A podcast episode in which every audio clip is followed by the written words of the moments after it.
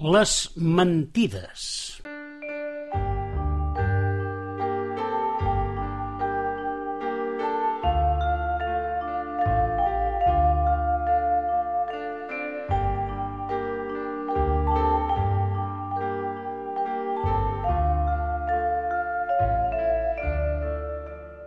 Una vegada hi havia un nen, o potser una nena.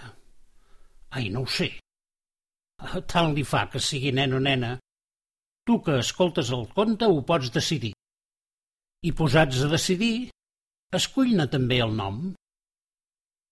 Doncs bé, el cas és que aquesta personeta, a qui li has posat nom, era molt i molt eixerida. Els pares estaven encantats amb la seva imaginació, les seves idees divertides i amb tot el que feia. Tothom n'estava cofoi. Pares, avis i mestres. Però un dia tot es va torça. Què va passar? Doncs que aquella personeta va decidir dir una mentida. No és que fos una gran mentida, era més aviat una petita mentida que, en forma de bala, va aparèixer dins un pot de vidre damunt la prestatgeria de l'habitació. D'on ha sortit aquest pot de vidre amb una bala dins? va preguntar la mare.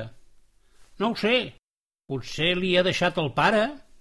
El cert és que la personeta no s'havia fixat en aquell pot de vidre i, encuriosit, el va agafar per treure-hi la bala però no va haver-hi manera de poder-lo obrir. Tampoc el van poder obrir ni el pare ni la mare. Era ben bé com si la tapa del pot estigués soldada al pot. Finalment van desistir de voler-lo obrir i la mare va dir de llançar-lo al contenidor de vidre.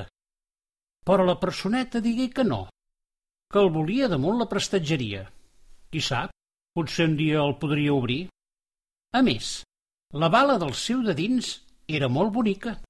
Així és que Vala i Pot es van quedar a l'habitació de la personeta. Quan fou mitjanit i tot era ben fosc, la personeta es va despertar alertada per una mena de soroll ben estrany.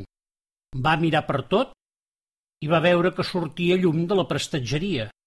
S'hi acostà i amb gran sorpresa va veure que el pot de vidre estava il·luminat i la bala del seu de dins giravoltava en sentit contrari a les agulles del rellotge.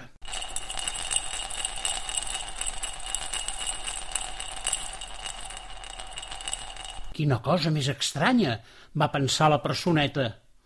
Un pot il·luminat i una bala que gira per art de màgia. Ben cert, perquè el pot no tenia cap fila i res que servís per encendre'l. Però bon punt el va tocar per agafar-lo la llum es va apagar i la bala va deixar de rodar. Potser era el moment d'intentar obrir-lo, però res, la tapa seguia soldada al pot. El va deixar de nou damunt la prestatgeria i es va ficar al llit ben arraulit. No les tenia totes la personeta i aquella nit no va dormir gens bé. A l'endemà ho va explicar als seus pares i ells acostumats a la imaginació del seu fill, li van seguir la veta. Potser, va dir el pare, deu ser un pot semblant a l'espasa d'Escalibur, i només el podrà obrir una persona neta de cor. El comentari del pare no va passar gens desapercebut a la personeta. Volia dir que ell no era prou net de cor o, dit d'una altra manera, no era una bona personeta. El dia va passar com qualsevol altre. La personeta va anar a escola, va sortir d'escola, va anar a jugar al parc, va tornar a casa, es va banyar, va sopar, va escoltar el conte de bona nit de cada dia i es va ficar al llit. Aleshores la mare li va preguntar de qui era el ninotet que hi havia a la butxaca del seu pantalon i ell va dir que se l'havia trobat al carrer. En dir això, el pot de vidre es va il·luminar per un instant i la bala va repicar el vidre. La mare no se'n va donar, però la personeta sí, i de seguida s'hi va acostar i observar un xic espantat que la bala s'havia fet més grossa. I és que el ninotet l'havia agafat de la motxilla d'un company d'escola. La personeta havia dit una altra mentida, la segona. Aquella nit va tornar a passar el de la nit anterior. El pot es va il·luminar i la bala es va posar a rodar en sentit contrari a les agulles d'un rellotge.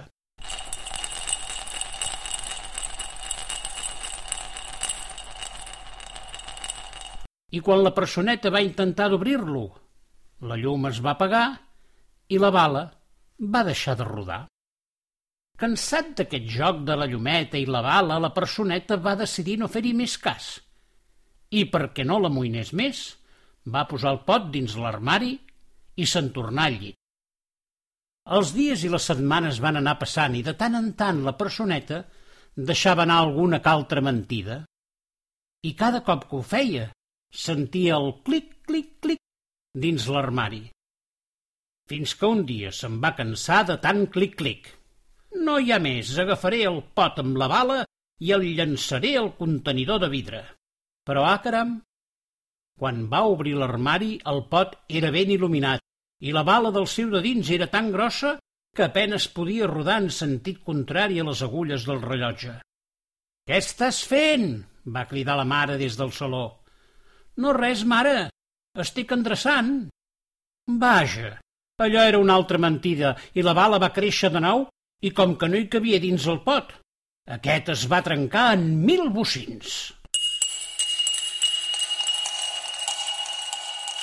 El pare i la mare van córrer de pressa a l'habitació del seu fill i van veure la trencadissa. Tot un escampall de vidres i al vell mig una bala ben grossa que giravoltava sobre si mateixa. «Què és això? Què ha passat?» va preguntar-li el seu fill al pare. Ell arrencà a plorar i se'ls hi va abraçar ben fort. «He estat jo, pares. He dit tantes mentides que la bala del pot de vidre ha crescut tant que ja no hi cabia el pot i l'ha trencat. Els pares van riure tot creient que la sortida del seu fill era fruit de la seva imaginació. Però de cop i volta, i davant dels seus ulls atònits, els trossets de vidre van començar a giravoltar entorn la bala i, inexplicablement, es van enganxar els uns amb els altres per tornar a ser el pot de vidre d'abans i amb la bala ben desadeta al seu de dins. Aleshores, la personeta va agafar el pot, el va obrir, va agafar la bala i la bala va desaparèixer.